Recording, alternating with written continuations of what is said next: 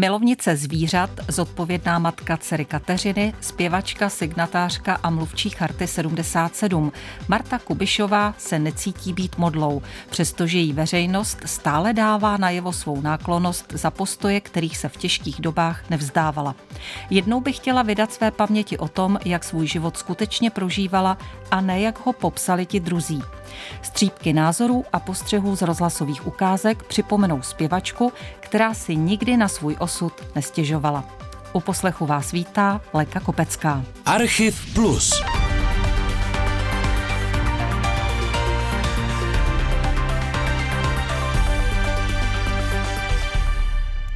Marta Kubišová nechtěla být zpěvačkou, chtěla studovat medicínu. V 50. letech, jak sama říká, byla dokonce rusofil.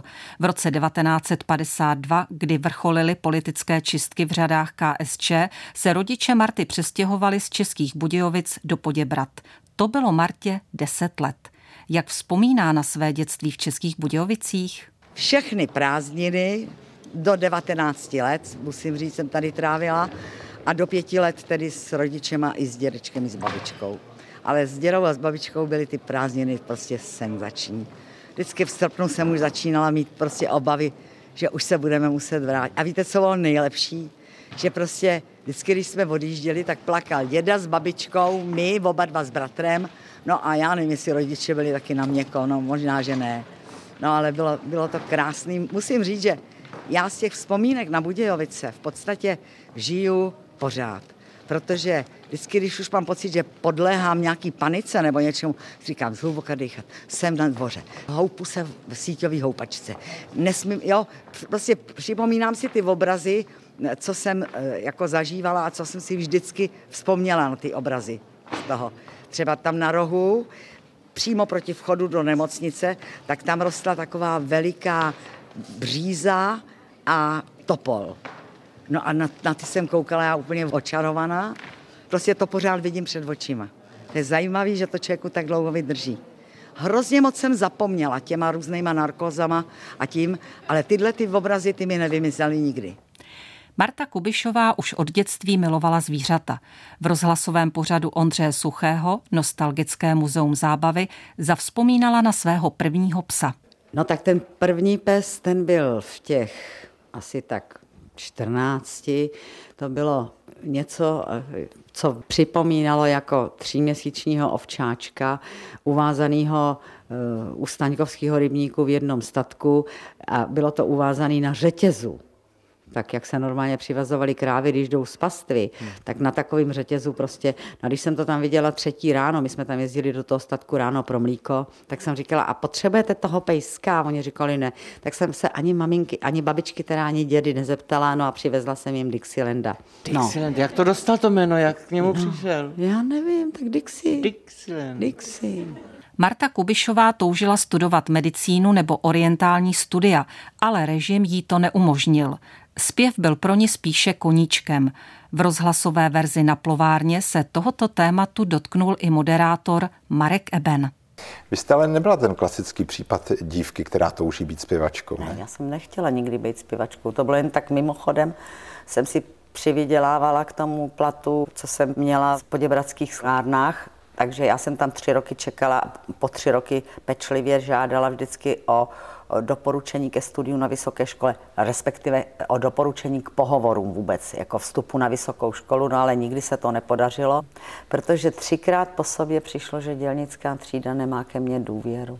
A já jsem přitom jim dávala na vybranou dvě školy. Já jsem věděla, že buď teda eh, bych udělala pohovory na medicínu, anebo na eh, orientální ústav, kde jsem opravdu studovala celou tu dobu jazyk hindi. Nebo ještě Devanagari si taky pamatuju, takže umím napsat, jak se vám daří. Hapkaj se hen, řeknu a jen prostě koukne. Slyším hudbu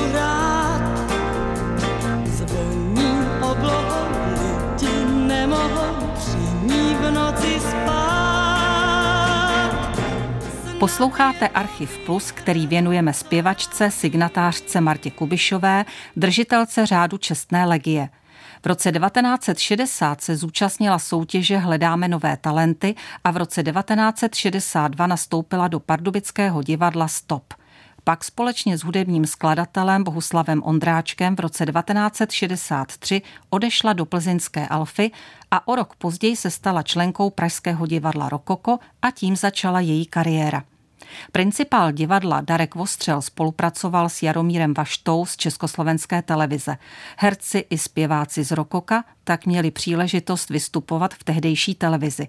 V tomto období byla populární i píseň Marty Kubišové Není to láska. Já už dávno netoužím, potom dávat výružím, jen je ráda slyším, už dávno všechno vím, už dávno.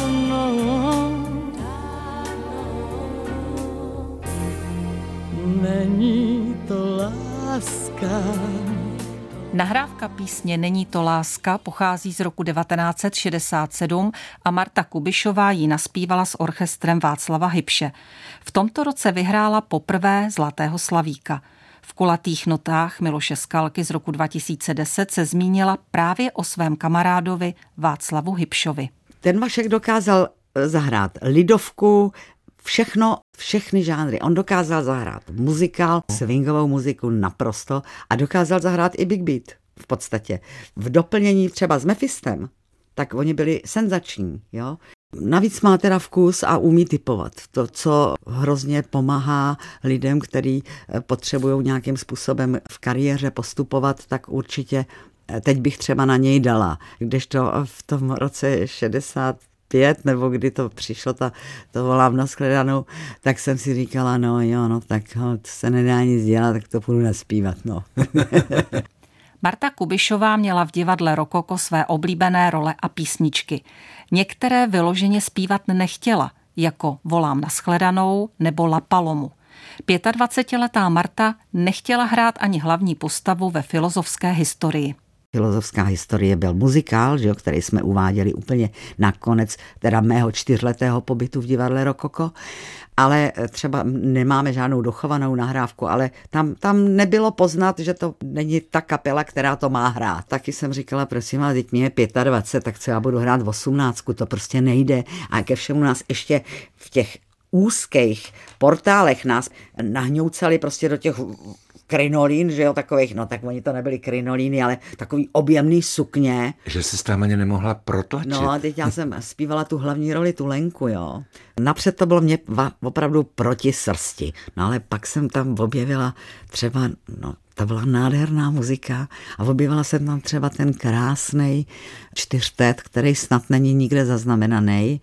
To byl pozdní večer, to, to se nahrálo někde právě s Vaškem, ale ještě tam byl takový, tak tedy s Bohem, den se krátí. A tam se nám stala taková věc, že prostě když jsme to hráli po invazi, někdy v říjnu se to oprášilo, že jo, v tom roce 68, bratři tady, že jo, a Vašek jako, Vašek eh, Neckář jako Vavřena prostě se skácel přes ty barikády mrtvej a my jsme si zpívali Valda, Karel Štědrý, Helena a já, tenhle ten čtyřtet tak prostě já jsem najednou viděla, že se mi zatahuje krka, že přestávám zpívat.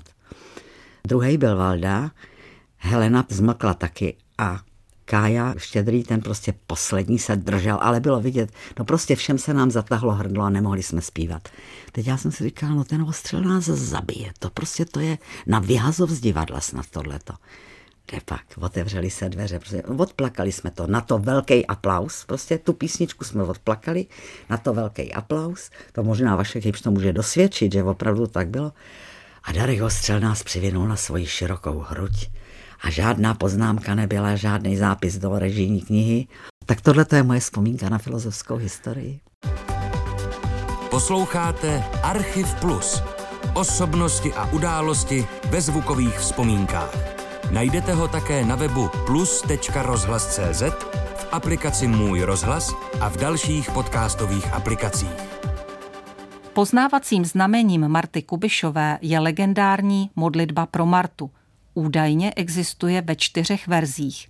Marta do seriálu Píseň pro Rudolfa III. naspívala píseň, která se stala jedním ze symbolů odporu proti okupaci – O osudu této písně, která vznikla ve vypjatých chvílích roku 1968, hovořila v pořadu Kulaté noty Miloše Skalky sama zpěvačka. První byla právě ta z té petinky, kterou jsme naspívali snad, já myslím, no, po té, co jsem řekla, že cesta a pásové tanky a kamera Jana Eisnera, že prostě že nejde dohromady, že musí mít okamžitě novou písničku. No tak Jindra Brabec přejel Libenský most právě s notama ještě mokrýma, prostřelili mu blatník, takže Jindrovi se takhle klepali ruce, když nám to předával na té petince. Přítomní tam byli právě Ivo Fischer, Angelo Michailov, ten hrál na piano u této nové písničky, tedy, která měla být původně ovšem odvysílaná až v příběhu Hrabě Monte Cristo, toho seriálu Dítlova. A ještě bubnoval tam Karel Černoch, takže to bylo takový prostě... Kdo měl čas? Kdo měl no, ruku, kdo měl nohu, tak prostě hrál. A já jsem to naspívala, oni mi to potom v tejpu dali eh, do takové kapsičky a říkali, hele, musíš to mít pořád u sebe, protože nikdy se neví, odkud se bude vlastně vysílat. Než nás zaměří, samozřejmě asi, já nevím, kdo to zaměřoval, jestli, jestli te, tehdejší Češi, jaksi, který eh, měli co dočinění prostě s touhletou technikou a s technologií rozhlasovou a televizní, anebo jestli to byli přímo Rusové, to nevím, jak to bylo. No tak to byla první verze, potom druhá verze byla samozřejmě Vaškova Hybšova, protože tento nahrával jako už pro tu studiovou verzi. To bylo do hrabě, oné televizní série one, Píseň pro Rudolfa. Píseň pro Rudolfa třetího a do toho dílu Hrabě Monte Cristo. Tak to už byla tato druhá. Třetí byla s Točerem, kterou jsem naspívávala, no ne, nevím. Taky v roce asi. 1968 se tedy píše ano, takže 10.12. Ale ještě byla potom jedna. A vy si můžete poslechnout alespoň část z této první legendární nahrávky. Ať mír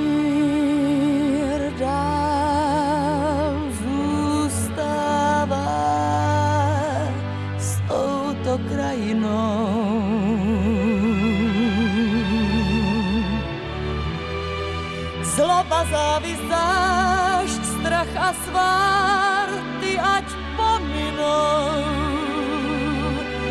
ať už pominou. Archiv Plus věnujeme zpěvačce Martě Kubišové, pro kterou 60. léta byla rozhodujícím mezníkem v její kariéře.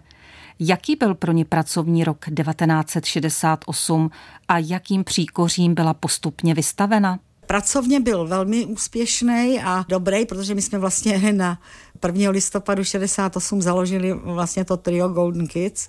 Byli jsme vytížený, vyspívali jsme si velice brzo u Prago koncertu tedy svoje e, nástroje a mikrofony a všechny ty možné věcičky, světla.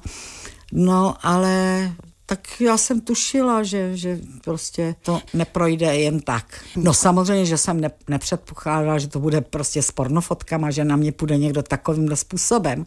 Jako říkala jsem si, no můžou mít takový, ale ještě jsem stačila dotočit pro Bavária film jsem stačila s Mirkem Vaštou a s Helenou a s Vaškem jsme dotočili taková, jmenovalo se to, myslím, něco v manéži, eh, lev v manéži nebo ta, takovýho něco. A to ještě jsme dotočili někdy v březnu roku 70. Ten úplný zákaz nastal velmi brzo, já myslím, že někdy v únoru nebo tak, tak někdy začátkem února. To bylo tak jaksi nesmyslný, že jsme museli s manželem, s mým tehdejším mužem eh, Janem Němcem, tak jsme museli samozřejmě dát eh, to trestní oznámení na neznámého pachatele a pak teprve na doktora Hrabala který to vlastně rozjel všecko proti mně z Prago koncertu. Dodám, že František Hrabal byl ředitelem Prago koncertu, který v úterý 3. února 1970 předložil tři pornografické fotografie, na kterých měla být i Marta Kubišová. Poslední vystoupení Golden Kids se konalo 27. ledna 1970 v Ostravě. Tímto se zpěvačce uzavřela kariéra a skončila práce s hudebním vydavatelstvím Polydor. Marta se domnívala, že zákaz bude nejdéle na dva roky. Jak se vyrovnávala s neočekávanou situací? pro mě je, je vždycky něco úplně novýho, nebo tak se tomu věnuju a věnuju se tomu teda stoprocentně, nebo snažím se to, to vykonávat. Takže když jsem lepila sáčky, tak jsem si říkala, tak já jim ukážu, já si prostě vydělám, jako i na ten benzín a na to všechno. No a tak a co bych si u toho zpívala, tak jsem dostala jako odstupný od Polidoru, jsem dostala, protože ty najednou přišli tedy o mě a my jsme měli stejnýho s Kájou Gotem, jsme měli stejnýho eh, pana Demlera, tak jsme, takže producenta, tedy pana Demlera, tak oni mi dali prostě nějakou legrační částku peněz jako odstupný od té smlouvy. Já jsem si za to koupila malou televizi a teď jsem koukala na tu televizi, jak to v tom světě teda je veselý. No a tak jako to mi úplně stačilo k tomu. To byl můj jako styk s veřejností. Hey Jude, co dá ti pláž, oči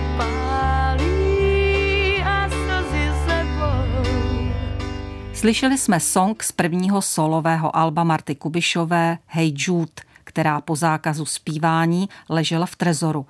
Jen dodám, že se jedná o českou verzi slavné skladby kapely Beatles.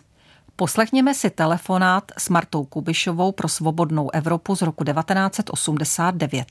Dovolte mi, abych vám všem upřímně poděkovala za všechny ty milé projevy nefalšované náklonosti, lásky a sympatii mám pocit, že kdybych těch 20 let regulérně zpívala, že bych si zdaleka nebyla jistá takovou přízní a oblibou publika, jako když jsem nevydala hlásek a jsem tu s váma. Žiju tu s váma, decháme jeden vzduch, jednu atmosféru, ať už to byla atmosféra konsolidace nebo teď atmosféra přestavby. A beru to tak, že v čem jsem byla ukrácená ve zpívání, to mi pán vynahradil na zdraví mýho dítěte a mojí maminky. No a co se týče písniček, tak mám jeden song. Občas je to horký hit, jindy je to evergreen, devítiletý, ale já ho považuji za nejpovedenější a nejdokonalejší song a to je moje dcera Kateřina. A věřte mi, že je mi s váma fajn. Rok 1989 byl pro Martu Kubišovou, aniž by to tušila, osudový. Po letech zákazu znovu Marta zaspívala modlitbu pro Martu. Bylo to na demonstraci 21. listopadu 1989 z balkónu Belantrichu na Václavském náměstí po boku kamaráda Václava Havla. Připadala si jako ve snu. Několik slov s Martou Kubišovou. Tak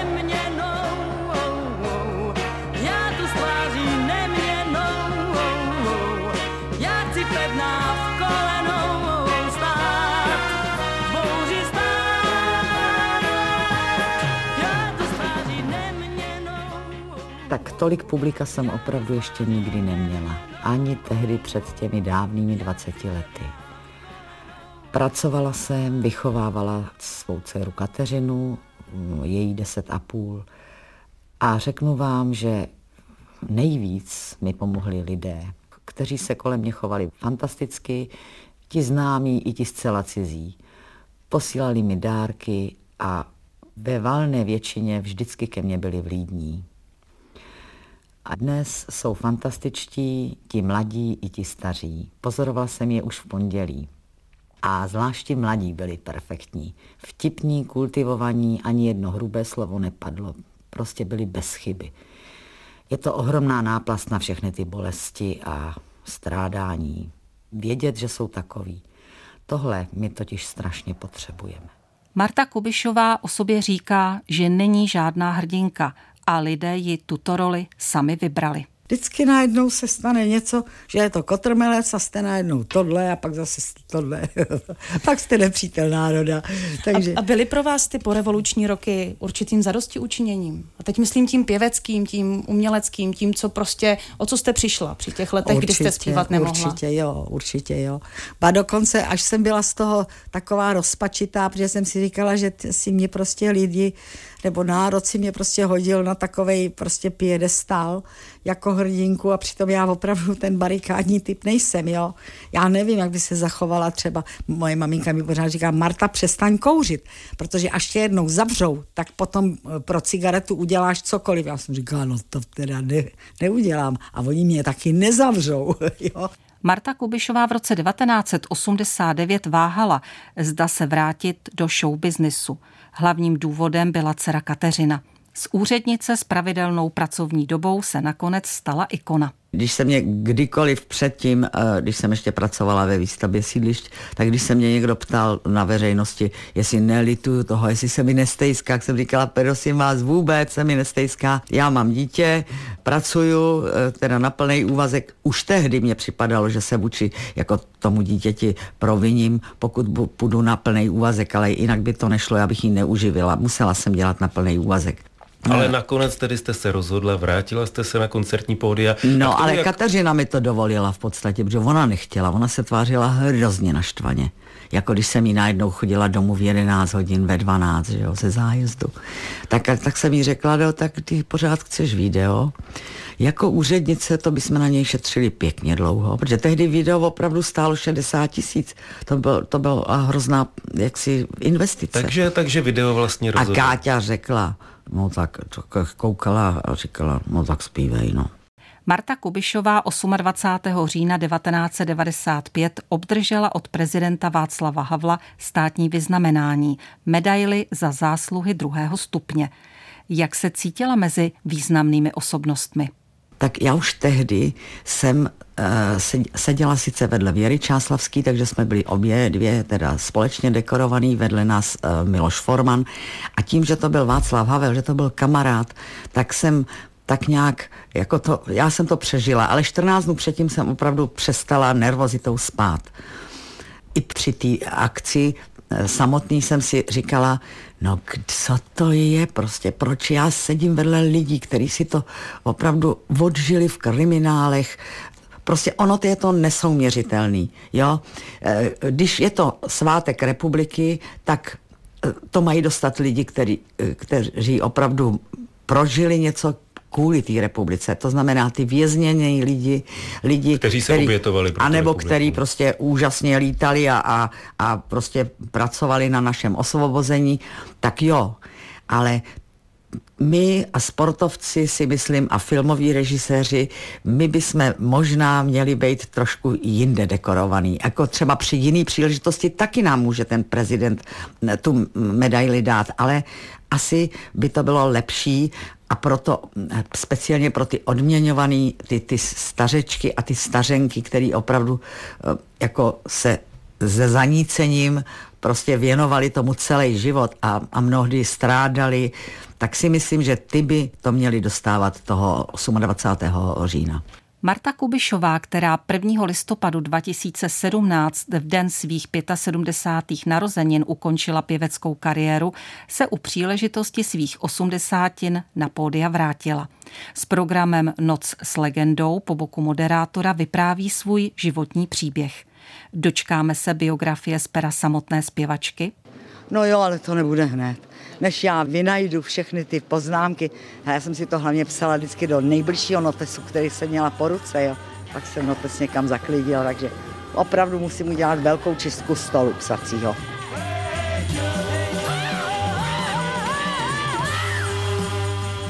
Archiv Plus jsme věnovali zpěvačce Martě Kubišové. Pořad připravili dramaturg David Hertl, zvukový mistr Ladislav Čurda a příjemný poslech u dalších pořadů přeje autorka Lenka Kopecká.